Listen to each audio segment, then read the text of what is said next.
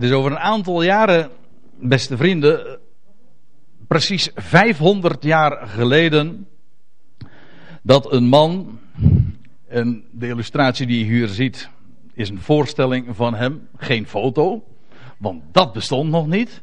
Maar dat het 500 jaar geleden is dat hij op deze datum, we hadden het er al even eerder over, de 31ste oktober, de dag voorafgaand aan 1 november, Allerheiligen, dat iedereen, uh, heel het volk naar de kerk ging, dat hij op die dag 95 stellingen timmerde of bevestigde aan de deuren van de slotkapel van Witteberg.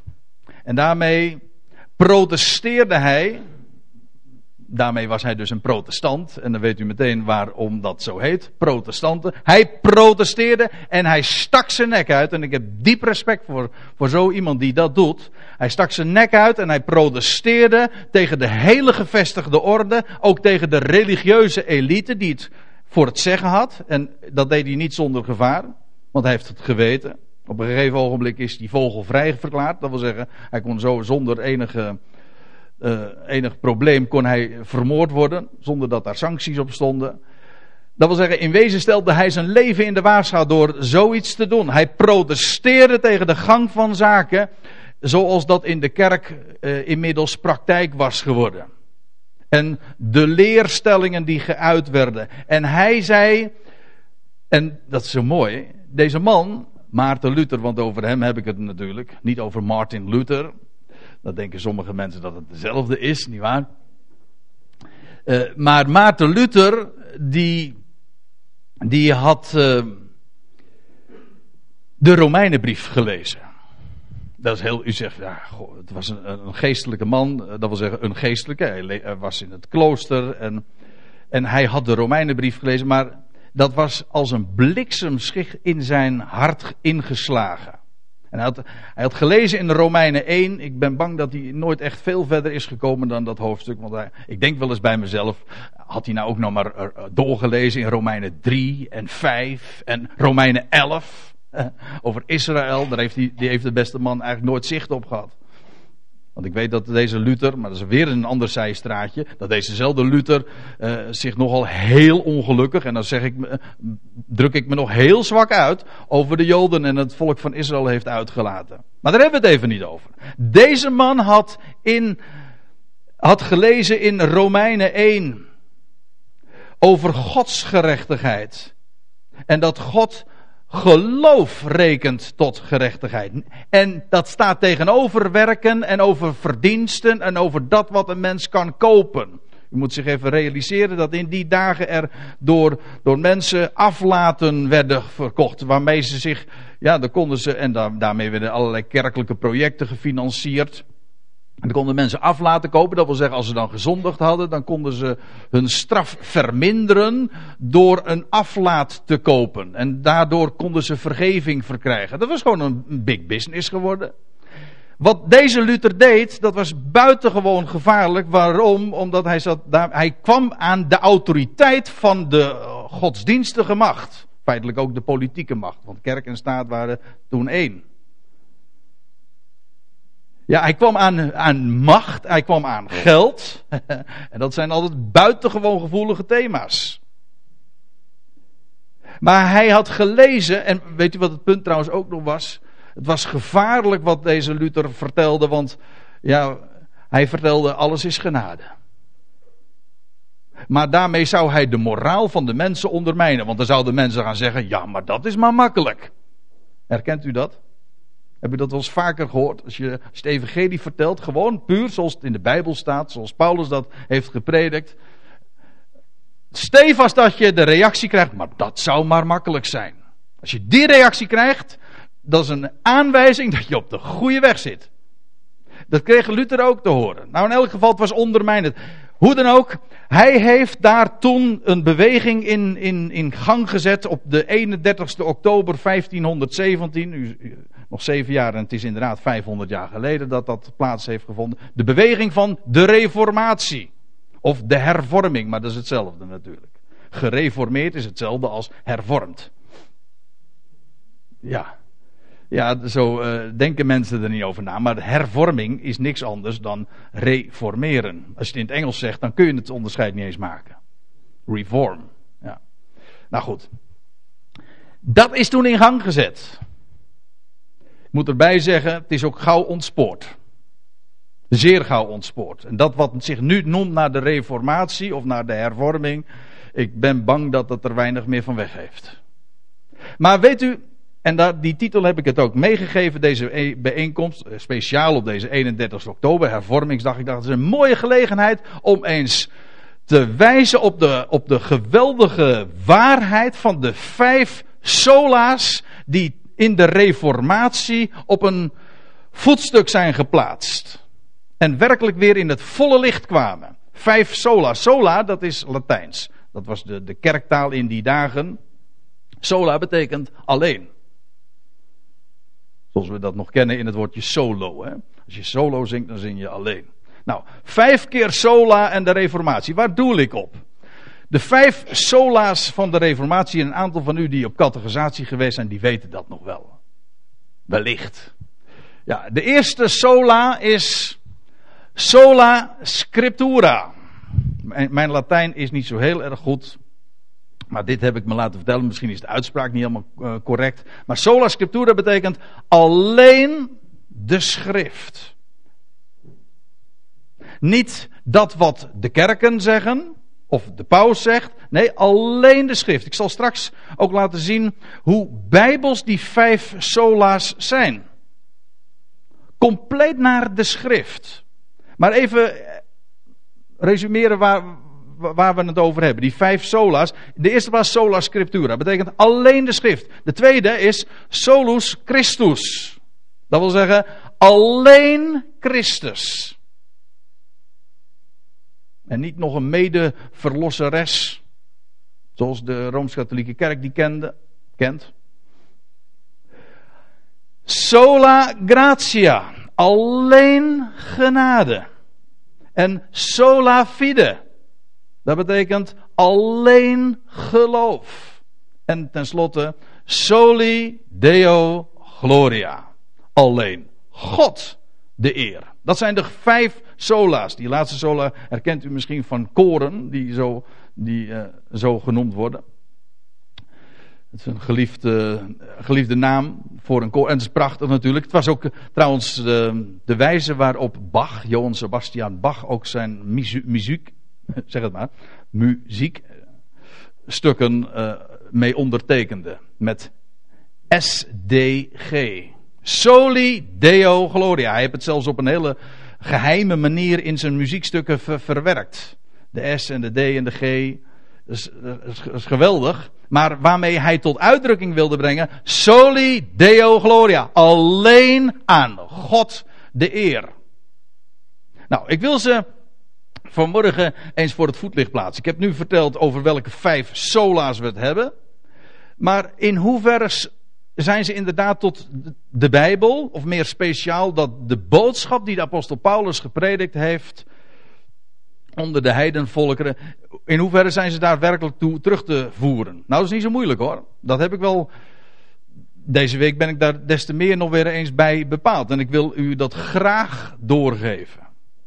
En als, u, als ze aan u vragen, ik, nou ja, dan moet u dat zelf eh, maar voor, u, voor uzelf natuurlijk uh, formuleren. Maar als ze mij vragen, ben jij gereformeerd? Dan zeg ik nu, eh, ja, dat hangt er vanaf.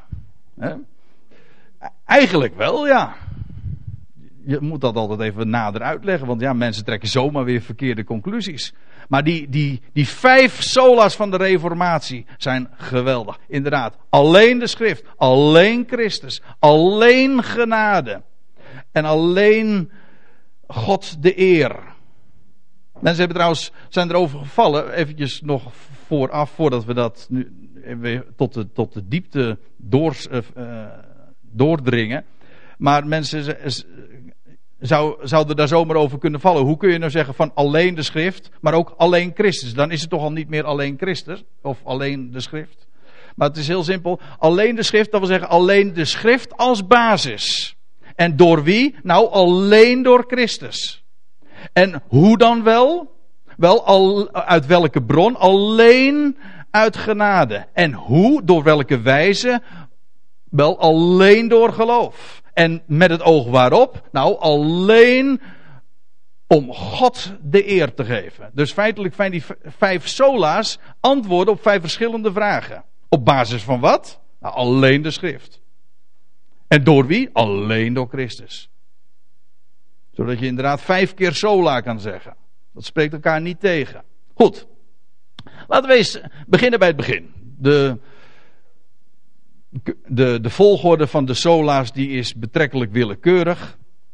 Maar we beginnen bij, dat lijkt me wel een, eh, een, een goed begin, alleen de schrift. Sola scriptura. En weet u waar ik dan aan moet denken? Ja, aan een heleboel schriftplaatsen. Heel, heel veel schriftplaatsen. Maar hoe dat, ook in het Oude Testament zie je al dat, dat zijn woord alleen licht is. Hoe, staat het niet, hoe wordt dat niet in de psalmen op een schitterende wijze bezongen? De Torah van God. De woorden die hij heeft gegeven, die zijn licht. Daar zou een mens bij wandelen en bij niets anders. Dat zegt je. Ook in Jezaja wordt dat al op een schitterende wijze uitgedrukt. Maar weet u waar ik ook aan denk? Aan de Heer Jezus die in de woestijn was. En verzocht werd. Door de diabolos. Door hem die alles door elkaar gooit. De, wat wij zeggen, wij noemen dan de duivel. Maar dat betekent letterlijk degene die alles door elkaar gooit. Ja, en weet u wat hij zei? Toen, er gezegd, toen hij hem gewezen werd op een. Toen, nadat hij veertig dagen al niet gegeten had. Lang gevast had. En dat hij een, een, een steen in brood zou veranderen. Want ja, dat, kan hij, dat zou hij toch kunnen? En dan zegt hij. En dan baseert hij zich op de schrift. Dan zegt hij. Er staat geschreven. Niet alleen bij brood zal een mens leven. En iedere keer weer. Als de diabolos naar hem toekomt en hem uh, wil verleiden tot dingen of verzoekt. Dan is zijn antwoord de kracht van de Zoon van God daar in de woestijn. Hij was een mens als u en ik. Maar wat was zijn kracht? Hij ging de weg van geloof. En wat betekent de weg van geloof gaan? Gewoon je baseren op de schrift en niets anders. Hij zei telkens, er staat geschreven. En dan vervolgens citeert hij het woord van God. En dat was voldoende om daarmee ook de tegenstander te repliceren, te, antwoorden, te beantwoorden en hem zelfs te verjagen. Hij had geen poot uh, om op te staan bij hem. Waarom? Omdat hij zich baseerde op de schrift. Alleen de schrift, dat heeft kracht. Ik, ik, moet er ook aan denken, als we dan even doorbladeren in dat Matthäus-evangelie, is dan de Heer Jezus. En het is zomaar een willekeurig voorval, maar wel veelzeggend. En dat dan de, dat de schriftgeleerde, de orthodoxie van zijn dagen op hem uh, afkomt en hem dan kwalijk nemen dat zijn discipelen niet de gebruiken van de ouden, de, van de traditie, in ere houden. En dan is de Heer Jezus, die trekt fel van leer hoor. Dan zegt hij, hij noemt ze zelfs huigelaars. En want jullie, jullie leren geboden van mensen. En, en dan zegt hij, en hij geeft daar ook voorbeelden van hoe zij het woord van God, zo zegt hij dat in vers 6 van Matthäus 15, zo hebt gij het woord van God van kracht beroofd, dat wil zeggen ongeldig gemaakt. Niet officieel, officieel zei men van ja, wij, wij geloven de schrift. Ja, maar in de praktijk was de traditie daarvoor in de plaats gekomen en dat, daarmee had men het woord van God van kracht beroofd. Dus hij zegt, zo hebt gij het woord van God van kracht beroofd. Hoezo? Nou, ter wille van uw overlevering. Overlevering is niks anders dan traditie. Dat wat mensen bedacht hebben. Eerbiedwaardig. Nee, we praten niet over onbenullen of zo. Nee, intellectuele. Maar het, zijn, het komt voort uit de mens. En ik moet eraan denken, we hadden het net even over reformatie, maar ik ben zelf ook in een, in een gereformeerd milieu groot geworden. En daar is het tot op vandaag binnen de orthodoxie een gevleugelde uitspraak, moet u nagaan. Hè? In een gereformeerd milieu, waar men dus staat op de basis van sola scriptura, alleen de schrift, maar het is al sinds jaren dag is het een gevleugelde uitdrukking dat dingen in overeenstemming moeten zijn met de Bijbel en de beleidenis. En als je met de Bijbel aankomt, hè, schrift en beleidenis. En als je met de Bijbel aankomt, zeg van ja, maar dat staat geschreven in de schrift. Dan zeggen ze ja, maar het is niet in overeenstemming met de beleidenis. Oh, en ga daar maar niet uit hoor, want ik kan er heel wat voorbeelden van, maken, uh, van, van geven. Hoe vaak dat al niet zo gebleken is en hoe vaak dat het antwoord is. Het is niet in overeenstemming wat, wat de kerk leert. Moet je nagaan. Men, gelooft wel dus, dat wil zeggen, men zegt de schrift te geloven, maar, maar heeft, men heeft die schrift van kracht beroofd, in wezen ongeldig gemaakt, doordat de traditie in de praktijk ervoor in de plaats gekomen is. En dat gebeurt altijd op het moment dat mensen zich weer ergens meester van gaan maken. Dat gebeurt altijd hoor. Je moet er niet aan denken dat je ooit een goed berichtkerk gaat krijgen. Denk ik wel eens een keer. Hm? Dat, dat zou erg zijn. Want er gebeuren namelijk exact dezelfde dingen weer. En daarom alleen de schrift daarbij te blijven. En, en geen kerkelijke autoriteit. Weet u waar ik Waar, ik ook nog even op wil wijzen, op wat de apostel Paulus ooit schreef. Aan het einde van zijn leven, toen hij zijn, hij noemt hem mijn kind Timotheus. Paulus, eh, de, het moment van zijn executie was nabij. Dat lees je in die, in die, in die brief, die tweede Timotheusbrief. En dan lees je dat hij hem op het hart bindt om te blijven bij de schrift. Niet alleen de Tenach, die, waar Timotheus mee groot geworden was, als Jood Jochie al daarin uh, onderwezen was door zijn moeder en zijn grootmoeder. Maar zegt, zegt Paulus dan tegen Timotheus, alle schrift van God ingegeven is ook nuttig om te onderrichten, te weerleggen, te verbeteren en op te voeden in de gerechtigheid. Dat wil zeggen, niet alleen maar de tenag waarin jij groot geworden bent, Timotheus, maar elk schriftwoord. Al die schriften die ook in, in de dagen van Paulus zijn erbij gekomen waren, de 27 geschriften van het Nieuwe Testament, die daarmee de schriften compleet hebben gemaakt. 49 boeken. Of als u het telt in de manier, op de manier van de Septuagint, 70 boeken. Het is allemaal compleet. En nu zegt Paulus, al die schriften zijn van God ingegeven. En daar moet je wezen. En Paulus heeft dat lees je in diezelfde brief, heeft er moeite gedaan om de boeken te verzamelen en om ze over te geven aan Timotheus. En dan zegt hij, opdat de mens van God volkomen zij, tot alle goed werk volkomen toegerust. Met andere woorden, de schrift, de complete schrift, die zijn in staat om de mens volkomen toe te rusten. En je hebt niets anders nodig. De schrift is maatgevend. De schrift is de norm. Al de schrift, ja. Met andere woorden, niet de paus, of het Vaticaan, of synodes, van welke snit ook, of, en u zegt van ja, maar, uh, want ja, als je, als je protestant bent, dan zeg je van ja, maar wij, hebben geen paus. Weet, ik hoorde eens iemand zeggen, die zei, weet je wat het verschil is tussen evangelischen en uh, Rooms-Katholieken. De Rooms-Katholieken hebben maar één paus. Moet je even over nadenken. Dat wil zeggen, e- in de evangelische wereld, die, daar hebben ook eh, vele pausjes. Ja, pausjes dan, ja. Die in feite ook autoriteit hebben. Dat is een vloek op het moment dat een mens, ook een, een bijbelleraar, als die gezag wordt toegekend. Hij, de, het gezag van, van wat iemand doorgeeft, ook als bijbelleraar, en ik steek de handen, ik steek de, hoe zeg je dat? Uh, hand in eigen boezem. Het is een vloek op het moment dat mensen gaan zeggen van ja, die of die zegt dat. Ja, en? De vraag is, is het in overeenstemming met de schrift? En elk mens zou dat voor zichzelf moeten beoordelen. Als bereer zelf nagaan of het inderdaad zo is. Alleen de schrift en geen mens. Met andere woorden, al deze dingen zijn, al deze instellingen of mensen, het heeft geen autoriteit, maar uitsluitend de schrift. Sola scriptura. Ik geef u trouwens wel op een briefje mee dat op het moment dat je op dat standpunt staat en daar ook gewoon vooruit komt en lak hebt aan wat mensen zeggen, ook autoriteiten, want ik doe zo, waarom? Omdat het in feite autoriteit is die men zichzelf heeft aangemeten. De schrift alleen. Maar ik zeg wel, op het moment dat je dat doet, weet je wat ze dan zeggen? Dan ben je een biblicist.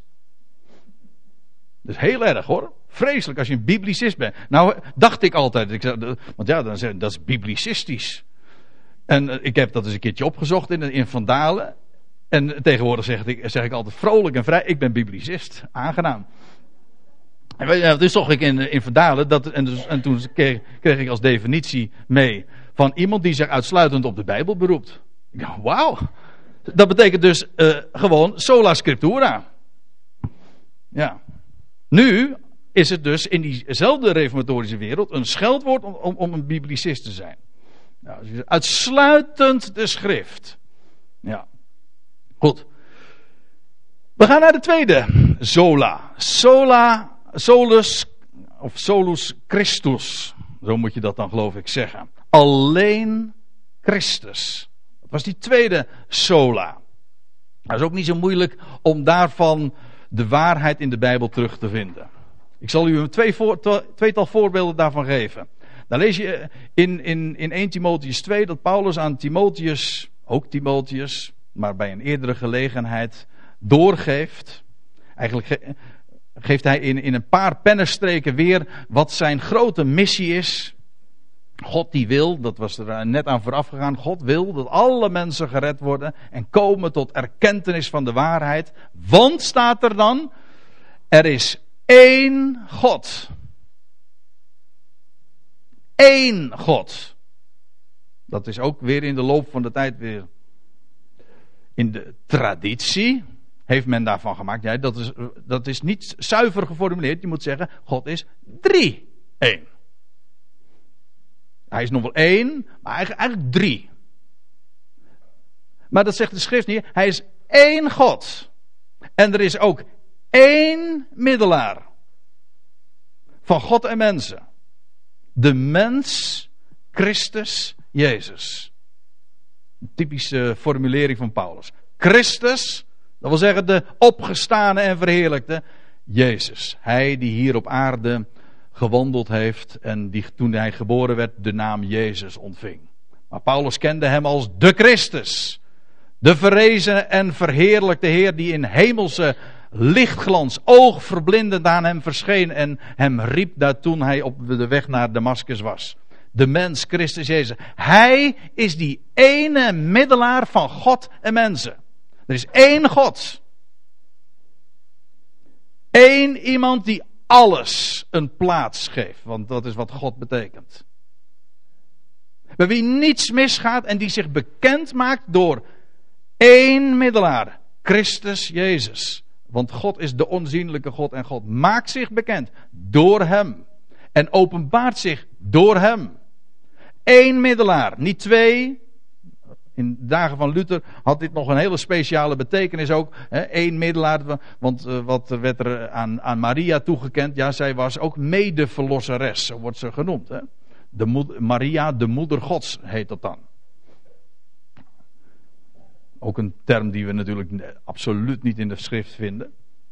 Maar goed, kijk, met dat soort dingen heb je te maken. Als je de schriften gaat opendoen en, en dan dat wat mensen beweren of wat de, de traditie hoog houdt, als je dat tegen het licht houdt, ja, dan, dan, dan, merk je dat een heleboel dingen niet kloppen.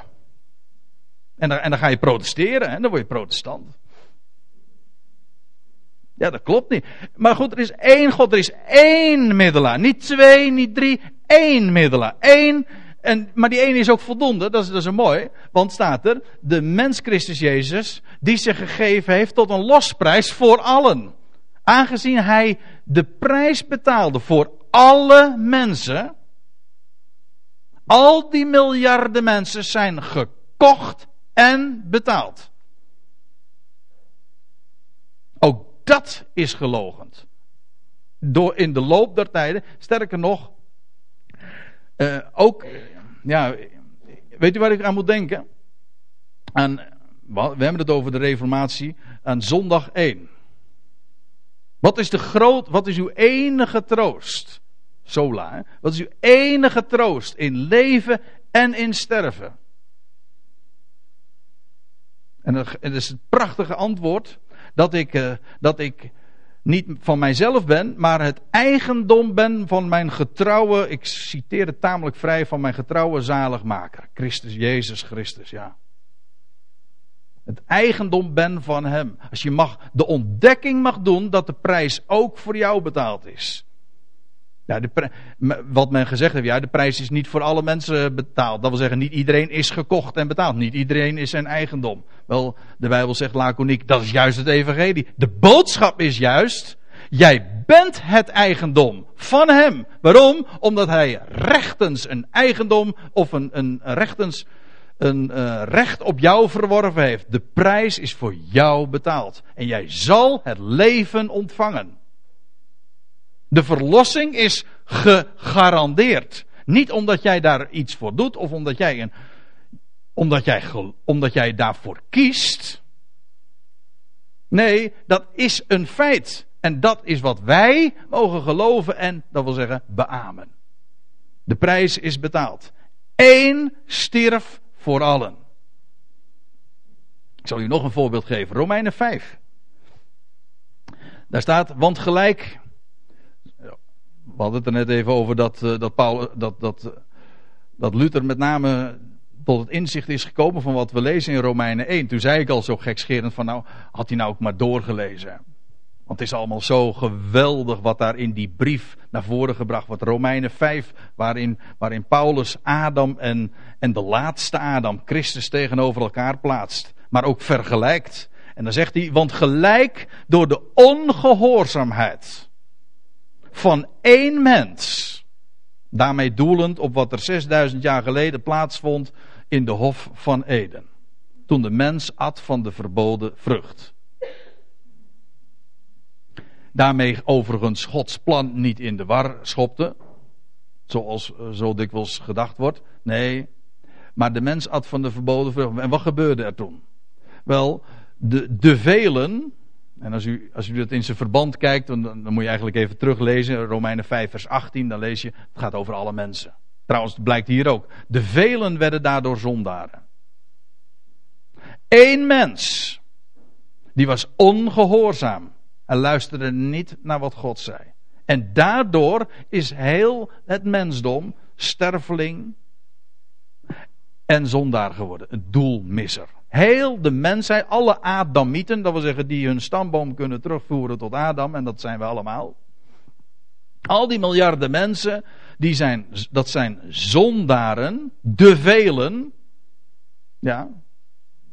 Al die miljarden mensen, die, die velen zijn zondaren, doelmissers geworden. Door één mens.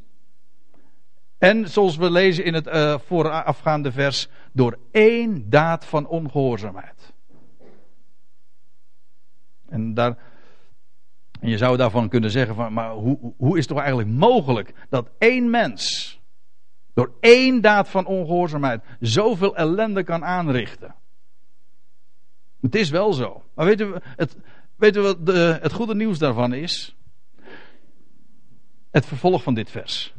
Zo zullen ook, zullen hè, zo zullen ook door de gehoorzaamheid van één, solus Christus, één, de velen, diezelfde velen, al die miljarden mensen, rechtvaardigen worden.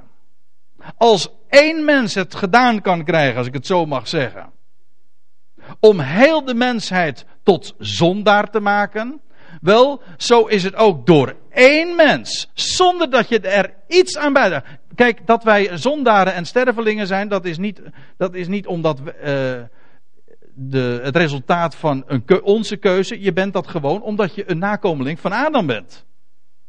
We zitten allemaal in hetzelfde schuitje.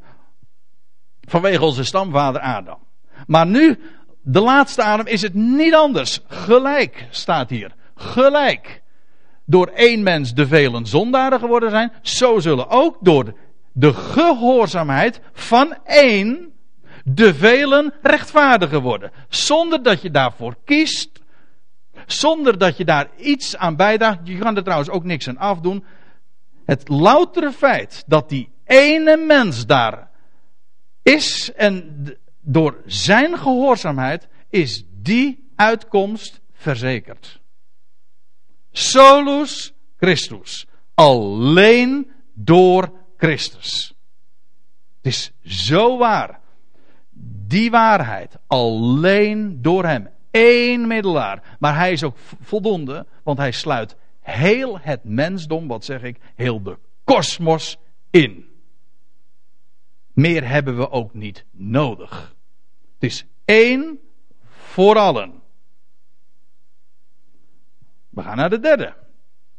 En feitelijk, dat moet ik erbij zeggen, op het, op het moment dat je met die vijf sola's bezig bent, dan zie je dat, je, dat al die, die sola's, die, die verschillende alleens, allemaal in elkaar grijpen. Want als we het nu hebben over alleen Christus, dan komt dat eigenlijk, dan heeft dat alles weer te maken met dat volgende, alleen genade, sola gratia. Dat, zul je, dat, kan ik heel gemakkelijk laten zien. Laat ik eerst eens eventjes gaan naar Efeze 2. Een schitterend vers. In een prachtig gedeelte waarin Paulus dat ook juist zo geweldig uiteenzet. Alleen genade. Als er één apostel is geweest die dat heeft gepredikt, dan is juist de apostel Paulus dit. Want, zegt hij in vers 8 van Efeze 2, door genade zijt gij behouden, gered. Door het geloof. kijk, nou komen we meteen ook bij die volgende zola alweer terecht. Door het geloof. En waar staat dat tegenover? Nou, dat niet uit uzelf. Het is een gave of een naderingsgave van God. En het staat tegenover werken. Niet uitwerken. En waarom is dat? Opdat niemand roemen. En dan komen we trouwens ook nog uit bij Soli Deo Gloria. Dat we niet zouden roemen in onszelf, maar alleen in Hem. Alleen gena. Het is God zelf. En ik weet wel dat wat tegen Luther gezegd werd, namelijk dat het de moraal zou ondermijnen of dat het mensen maar gemakzuchtig zou maken. En dat mensen er misbruik van kunnen maken. Trouwens, even tussendoor, dat kan hoor. Sterker, dat gebeurt ook. Dat mensen foute conclusies uit genade trekken. Moet daarom de boodschap aangepast worden? Mensen zeggen ja. Je mag de boodschap van genade niet ronduit vertellen. Weten we waarom niet? Omdat mensen daar zomaar misbruik van kunnen maken en daar foute conclusies uit kunnen trekken. Dat laatste is waar. Maar dat, is dat de reden om dus de waarheid niet te vertellen? Nee, natuurlijk niet. Het loutere feit dat mensen misbruik van een waarheid maken, dat doet aan de waarheid aan zich tot totaal niets af. De kracht van deze boodschap is juist gelegen in het louter prediken van de waarheid.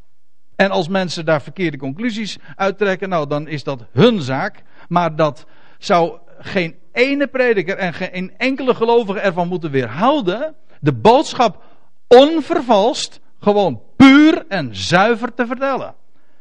Door genade. Niets van de mens. Dat is eigenlijk wat hier in deze twee versen naar voren gebracht wordt. Door genade is je behoudenis. Je krijgt dat gewoon van God. En het louter feit dat je mag geloven, dat je het mag zien, is dat een prestatie? Nee, natuurlijk niet. Staat erbij, ook dat is een gave. Dat alles, dat ga, dat uh, niet uit uzelf, het is een gave van God. Dat blijkt, dat slaat zowel op genade als op behoudenis als geloof. Het is alles een gave Gods. En zoals uh, dat al staat in het boek Spreuken. Het oog dat ziet en het oor dat hoort, beide heeft de Heere gemaakt. En als je deze dingen mag zien, dan is dat een gave Gods. En daar staat erbij, niet uit werken, niet omdat je, want werken betekent gewoon verdienen. Werken betekent, is niet hetzelfde als doen hoor. Nee, werken is iets. Werken betekent dat je iets doet om geld. Om loon. We komen daar, we komen daar straks nog even op, op terug. Maar dat heeft, het is niet te verdienen. Alle belangrijke dingen trouwens in het leven, die zijn niet te verdienen. Dat is puur genade. De Engelsen die zeggen, we hadden het net over Halloween en uh, over die, de Anglo-Saxische wereld. Nou, de Engelsen hebben daar een hele mooie spreuk voor. Die zeggen, all things, the, nee, the best things in life are free. En de dingen waar het werkelijk om gaat, die kun je niet kopen. Ga maar na. Je kunt een heleboel kopen. Maar als het er op helemaal op aankomt, de allerbelangrijkste dingen zijn niet te kopen. Dat is, dat is een geschenk. Dat is genade. En dat geldt voor de redding ook. Het is niet uit jezelf. Het is, een, het is een gave van God. Je krijgt dat. En er staat erbij niet uit werk. Waarom niet? Opdat niemand zou roemen. Zodat niemand zou zeggen: joh, dat heb ik gedaan. Of dat is iets van mij. Het is allemaal van Hem. En van niets en niemand anders. Ik zal nog een voorbeeld geven. Romeinen 11. Ja, we, blijven, we blijven erg steken in de, in, de Rome, in de Romeinenbrief en in de brieven van Paulus in het algemeen. Dat is eh, met, eh, met opzet. Het was, ook, het was ook juist doordat Paulus, uh, doordat Maarten Luther de brieven van Paulus las. Met Jacobus had hij niet zoveel. Hij kon dat niet zo plaatsen. Zo grappig. Maar toen hem dat voor de voeten geworpen werd wat er in Jacobus staat, toen zei hij nou maak, daar de, maak met Japi maar de kachel aan, zei hij. Dat, uh, de gedenkwaardige woorden, de, zo moet hij het ongeveer gezegd hebben. Maak met Japi, Jacobus maar de kachel aan. Daar kon hij niks mee. Dat was natuurlijk geen goede reactie, maar hij wist niet ja, van, de, van hoe, je de wijze, hoe je de schrift hoort in te delen. Dat, dat, dat Paulus zich richt tot de heidenwereld en dat, dat Petrus, Jacobus, Petrus en Johannes zich richten tot de besnijdenis, dat wist hij niet. Dus zei hij van ja, maak daar de kachel mee aan. Weet je wat hij, wat hij had moeten zeggen? Ja, dat is voor de besnijdenis. Dan had hij op Bijbelse grond gestaan. Dan had hij trouwens ook echt verweer gehad. Maar goed, we zullen het Luther verder niet kwalijk nemen. Daar gaat het ook helemaal niet om. Weet u wat er staat in Romeinen 11, vers, vers 6? Ja, dat weet u, want dat ziet u gewoon op het scherm geprojecteerd. Er staat. Dat is een mooi hoor. Dat is echt zo mooi. Indien het nu door genade is, dan is het dus niet meer uit werken. Anders, ik vind zo'n mooie logica, die, dat laatste zin. Anders is genade geen genade meer. Zodat je dus ziet dat genade staat tegenover werken, verdienen. Genade, gratia, u herkennen het Nederlandse woord, gratis daar nog uit. Ja, gratis betekent om niet. Gratia, genade. En dat is een absoluut woord. Genade is genade. En een, laat ik het zo zeggen. Een beetje gratis bestaat niet. Het is, iets is gratis of niet. Op het moment dat je er 2 cent voor betaalt, is het niet gratis meer. Je kunt niet zeggen van het is een beetje gratis. Nee, dan is het gewoon niet gratis meer. Op het moment dat je het goedkoop hebt gemaakt, is het ook niet gratis meer. Eh, ik zeg wel eens, het, uh, je kan niet, je, een vrouw kan niet een beetje zwanger zijn. Het is vandaag ook niet een beetje zondag. Hm? Toch? Nee, dat, het, is, het is vandaag zondag. En een beetje zondag, dat, dat bestaat niet. Ja, in de overdrachtelijke zin kan dat nog weer wel. Je kan in de overdrachtelijke zin ook een beetje zwanger zijn. Maar u begrijpt wat ik bedoel. In de letterlijke zin kan dat niet. Een beetje genade bestaat niet. Het is genade of het is geen genade. En zodra er iets van een mens bij komt, ook al is het bijvoorbeeld, zoals dat gezegd wordt, je eigen keuze. Zoals dat zo vaak klinkt, ach het evangelie is zo daar, is zo mee gesjoemeld, zodat je feitelijk geen boodschap van genade meer hoort. Dat is de grote ellende. En weet u wat, je hoort zoveel uh, boodschap, daar waarin wel genade klinkt, en veel genade, maar het is niet uitsluitend genade. En weet u wat nou het hele punt is? Als het niet uitsluitend genade is, dan is het helemaal geen genade. Ja, zo zwart-wit is het. Om diezelfde reden als die ik zojuist aangaf. Het is nou een beetje gratis bestaat niet. Een beetje genade kan niet. Op het moment dat je zegt van ja, de, de Heere heeft voor jou de prijs betaald. En heeft jou gekocht.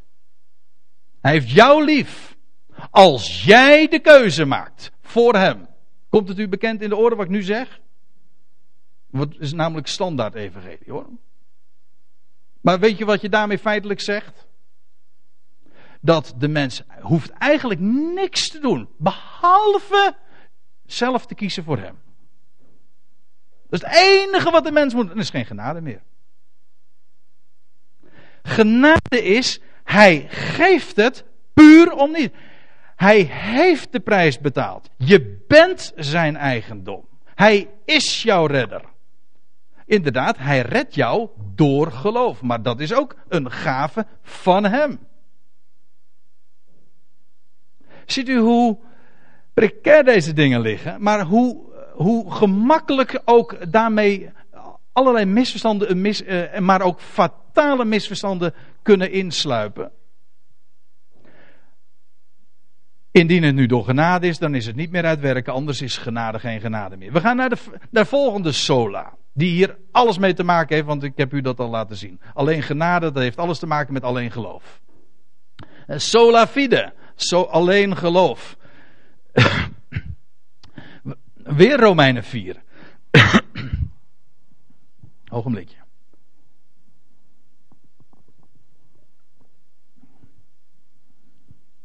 Een woord dat uh, bij een grote rol speelt in, in, de, in de brieven van Paulus. Namelijk wat we vinden in Genesis 15. Paulus refereert aan Abraham.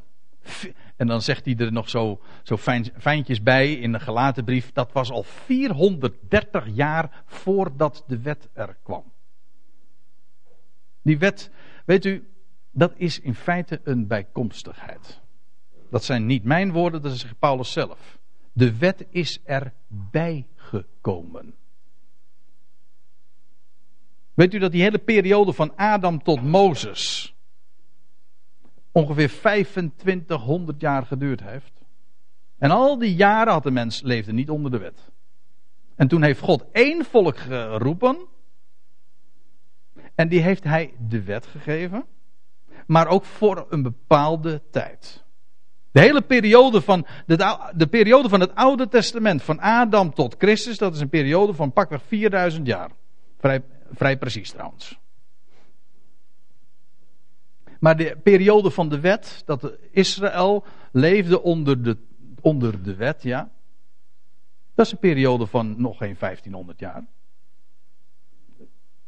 Dat zou je niet zeggen zoals je het Oude Testament opslaat, maar het is wel zo. Maar goed, Paulus wijst op, op, op Abraham. Die man, die, die, die, die heiden, die geroepen was uit Ur der Galdeeën. En die hoorde de roepstem van God. En Abraham is gewoon zijn weg gegaan. En Abraham was kinderloos en zijn vrouw was onvruchtbaar. Inmiddels waren ze hoog bejaard geworden. En wat lees je? Dat God hem op een gegeven ogenblik roept. S'nachts naar buiten te gaan. En dan zou hij omhoog kijken. En dan wordt gezegd tegen Abraham: Zo zal jouw nageslacht zijn. En dan staan daar die prachtige woorden. En ze komen iedere keer weer terug. Wat zegt het schriftwoord? En Paulus citeert daarmee Genesis 15, vers 6. Abraham geloofde God. Er staat letterlijk, Abraham zei amen. Geloven dat in het Hebreeuws dat is beamen. Ons woord amen komt uit het Hebreeuws, betekent gewoon, het is waar, het is zeker. Geloven. Je beaamde. Abraham geloofde God en het werd hem tot gerechtigheid gerekend. Dat wil zeggen, God, voor, Ab, voor God was Abraham een rechtvaardige. Waarom? Had Abraham iets gedaan? Nee, helemaal niks. Had, weet je wat trouwens ook nog zo mooi is? God had niet gezegd van als jij zus of zo doet, dan zal ik jou, zo jouw nageslacht maken. Nee, zo zal jouw nageslacht zijn. Onvoorwaardelijk. En Abraham zei amen. Begreep dat ook niet, want ja, goh, wat moet je? Als een hoogbejaarde man in een, in een mens, naar de mens gesproken, hopeloze situatie. Wat kan je daarmee? Ja, maar God spreekt. En dan zegt, en dan zegt Abraham zo doodleuk, uh, ja, doodleuk, ja, uh, de verstorven man, zegt hij, uh, zou voor de Heere iets te wonderlijk zijn? Als God nou gesproken heeft, hij die hemel en aarde gemaakt, zou hij niet in staat zijn om dit verstorven lichaam, en dat van, van zijn vrouw ook al, om daar nieuw leven in te wekken? Dat is toch absurd om, om dat te ontkennen. En Abraham, kijk, dat was Abrahams geloofslogica. Zeg, als God dat zegt, al begrijp ik het niet, al zie ik het niet, al voel ik het niet, al ervaar ik het niet. En dan zegt iedereen van je bent gek. Nou en, God heeft gesproken. Meer dan genoeg. Als hij zegt dat het zo is, dan is het zo. En dan gaat het tegen al je ervaringen in. God vervult wat hij belooft. En dat is wat God honoreert. Niet dat we, feitelijk wat hij daarmee, uh, wat God daarmee honoreert, dat is zijn eigen woord. Abraham deed niks. Hij zei: U zegt het. Amen. Begrijp ik het niet? Voel ik het niet? U zegt het. Amen. En, en dan staat er in Romeinen 4 bij: Nu wordt hem die werkt het loon niet toegerekend uit genade, maar krachtens verplichting. Logisch, hè? Ook dat is heel logisch. Als je werkt, je werkt juist om daar loon voor te krijgen. En soms, en als je dan in je vrije tijd bent, dan kun je, dan kun je nog veel drukker zijn. Hm? Toch? In je vrije tijd kun je nog veel drukker hebben. Ja, maar dat heet geen werk, want je doet dat, dat doe je om niet. Gewoon omdat je het leuk vindt en om, om welke reden dan ook. Je doet dat om niet. Dat is geen werk. Je doet wel, maar dat is nou, dat is nou precies ook dat is eh, wat ons doen mag zijn. Wij werken niet. Ik bedoel voor God.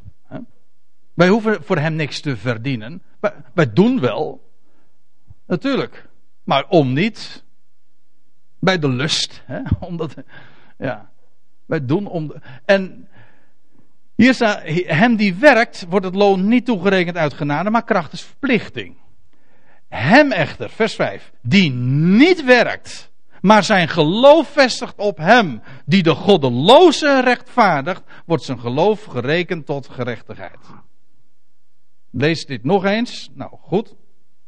Want dit moet je even goed op je laten inwerken. Hem echter die niet werkt. Daarmee dus, is het dus gezegd dat geloof staat tegenover werken. Genade staat tegenover werken, maar geloof net zo. God had beloofd. En wat kon Abraham doen? Moest Abraham nog iets verdienen? Nee, God had gewoon gezegd: Zo zal jouw nageslacht zijn. Stond Abraham iets te doen? Nee, helemaal niet. Er wordt aan Abraham helemaal geen opdracht gegeven. Kijk, een opdracht moet je doen, moet je werken. Maar als God nou gewoon belooft, zo zal je nageslacht zijn. Wat, wat kon Abraham doen? Als, als Abraham dat nou beaamt, wat kon hij doen? Nou, hij, zou het, hij zou het merken dat in zijn verstorven lichaam, eh, dat daar nieuw leven eh, werkzaam werd. Hè? Opstanding gezien werd. Ja, dat is dubbelzinnig, dat weet ik. Maar waar het nu even om gaat, dat hij, Abraham, hij geloofde in opstanding. Hij geloofde in de levende God. En Abraham werkte niet, hij hoefde niks te verdienen, want hij zegt, ja, wat, wat valt er te verdienen? God heeft gewoon zijn belofte gegeven. Daar mag hij uit leven. En hij vestigde zijn geloof op hem die de goddeloze rechtvaardigt.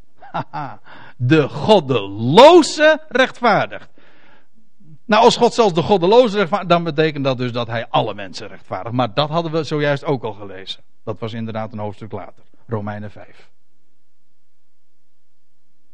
Kijk, dat zijn de marges waarin de, waar, waar de Bijbel over spreekt. Dat is de royale. God zegt gewoon: eh, Ik geef het je, ik rechtvaardig de hele mensheid. Ja, dat is maar makkelijk. Precies. Maar daarom, dat is ook zo'n machtige boodschap. Want dit hangt helemaal niet af van uw reactie. Of van de reactie van wie dan ook. Je kan dit gewoon zeggen van God houdt van jou. Je bent van hem. En hij gaat alles met jou goed maken. Zonder dat je daarbij aan hoeft te koppelen. Zeg van, maar jij moet wel geloven. Nee, vertel dat nou maar gewoon. En sommigen zullen het geloven en andere mensen geloven het niet. Je hebt grote kans dat als je tegen je buurman zegt dat je het gelooft. Het is een grote probleem als, mensen, als je tegen godsdienstige mensen vertelt. Dat roept verzet op. Dat is mijn ervaring. Ja. Trouwens, die van Paulus was het ook. Heel eigenaardig genoeg. Goed. Geloof. Sola scriptura, sola, solus Christus, sola gratia. Goh, ik had nooit gedacht dat ik nog zoveel Latijn zou gaan spreken in uh, deze samenkomsten. Sola fide, en dan komen we tenslotte op de laatste. Soli Deo gloria. Alleen God de eer. Maar eigenlijk is het zo dat als ik deze dingen uiteengezet heb, Alleen door hem, alleen genade, alleen, ja, wat kan een mens ja, geloven? Hem beamen. Maar daarmee zeg je dus feitelijk, alleen hem komt daarvoor toe alle eer. Al die sola's die vloeien uit elkaar, vloeien uit elkaar voort. Houden direct met elkaar verband. We blijven even in Romeinen 4, maar nu uh, stappen we eventjes over een heel aantal versen heen en dan komen we in vers 20. Maar dan lees je ook van die Abraham, ja we blijven bij hem hoor, want het is een model. Een model van geloof. Omdat het zo in zijn leven, in hij in zijn leven illustreert wat geloof is en wat genade is. Maar dan lees je in vers 20, maar aan de belofte van God heeft hij niet getwijfeld door ongeloof. Maar hij werd versterkt, staat er, in zijn geloof. En hij gaf Gode eer. Dat wil zeggen, hij gaf aan God alleen de eer. Waarom? Wel in de volle zekerheid dat hij bij machten was hetgeen hij beloofd had ook te volbrengen. Kijk, dat is geloof. God had beloofd, onvoorwaardelijk, en Abraham had had gezegd: Amen. Zo is dat. En hij, uh, hij heeft God de eer gegeven. Waarom? Omdat hij zich ervan bewust was dat bij hem niets onmogelijk is. Voor hem is niets te wonderlijk. En hij is bemachtigd om dat wat. Om zijn absurde belofte. Want naar de mensen gesproken was het een absurde belofte hoor. Het is toch uh, van de gekken. Moet, moet je voorstellen deze Abraham, hij heeft al zo'n prachtige naam. Hij, werd, hij was kinderloos, maar God zegt jou, ik ga jou noemen Abraham. Klinkt, het spreekt misschien zo tot onze verbeelding, maar u moet even weten, de Abraham, dat is Hebreeuws, betekent gewoon vader van vele volkeren. dat is humor toch? Dat, dat vind ik humor. Dat tegen een man die hoogbejaard is, wiens vrouw ook hoogbejaard bovendien onvruchtbaar is dat die wordt, iedere keer wordt aangesproken met vader van vele volkeren. Of ik, ik, stel me even voor dat Sarah uh, het eten klaargemaakt is. Vader van vele volkeren, kom je eten? Hm? Eh, zijn ze nog kinderloos? De naam drukt precies uit zijn identiteit. God had hem zo genoemd. Hij heeft daar niet aan getwijfeld. Want God is bij macht om dat te realiseren. En dat heeft hij ook gedaan. Ja, en dan komen we tenslotte bij uh, 1 Korinthe 1 uit, Soli Deo Gloria. En dat is ook het laatste waar ik op, op wil wijzen. Als ik deze vijf punten zo uiteengezet heb, dan lees je in, Romeinen, eh, in 1 Korinthe 1, vers 30. Maar uit hem gaat het over God. Uit hem is het dat gij in Christus Jezus zijt. Het loutere feit dat wij als gelovigen nu in Christus Jezus zijn. Hoe komt dat? Dat is uit Hem. Dat is niet uit uw keuze, nee, uit Hem. En wat is. En wie is die, uh, die Christus Jezus? Nou, die is van ons van God geworden. Dat wil zeggen, van Gods wegen is Hij voor ons geworden wijsheid. Ik denk trouwens dat die dubbele punt, maar dat is even terzijde, die dubbele punt een woord later hoort. Hij is voor ons van Gods wegen geworden wijsheid. De oplossing voor alle vragen die een mens heeft. En dan dubbele punt. Rechtvaardigheid in het verleden. Heiliging in het heden. En verlossing in de toekomst. Dat wil zeggen, God rechtvaardigt ons.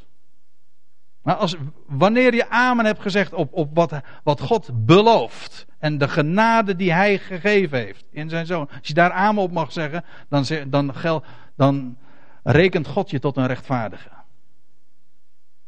Ik ben een gelovige. Ik ben, en, God heeft mij gerechtvaardigd. Waarom? Door geloof. Ik mocht beamen dat wat hij verteld heeft. Dat is geen prestatie, nee, uit Hem is dat. En vandaag heiligt Hij ons. Hoe doet Hij dat? Ook door sola fide, alleen door geloof. Het is niet zo van ja, je bent gerechtvaardigd en nou moet je vervolgens zelf je best gaan doen. Nee, heiliging is ons puur van Gods wegen gegeven. En dat was God maakt wat van ons leven. Hij wentel u weg op de Heer. Zo de psalmen trouwens. Het staat in heel de Bijbel. Wentel u weg op de Heer. Hij zal het maken. Hij is, hij is het die wat van ons leven, wat, die ons leven tot een pronkstuk maakt. En wij geloven hem. We mogen gewoon geloven. Wij hoeven daarvoor niks te presteren. En we, we staan dus morgens op en we zeggen: Heer, u voorziet in al onze behoeften. En u geeft ons alles wat we nodig hebben. En u kan ons leven en ons hart vullen met uw vrede en uw vreugde, zoals geen mens zich dat kan voorstellen. Dank u wel. En moet eens kijken wat er dan gebeurt. Nou, wij denken dat het in allerlei technieken zit, of in onze eigen vroomheid, maar dat is niet zo. Geloof, ook vandaag. Niet alleen maar, is een, niet een kwestie van één keer tot geloof komen en dan ben je gerechtvaardigd. Nee, maar is ook vandaag. Gewoon, Hij heiligt ons. Hoe? Gewoon doordat we beamen dat wat Hij belooft. Ik maak het. Ik voorzie alles. Ik geef jou vrede, jouw vreugde. Beaam dat. En ervaar de rijkdom die Hij geeft. En dan staat er verlossing. De verlossing van ons lichaam, dat is toekomst. Maar het is allemaal pure genade. En dan staat erbij, opdat het zij gelijk geschreven staat, wie roemt, die roemen in de Heere. Soli Deo Gloria. Amen.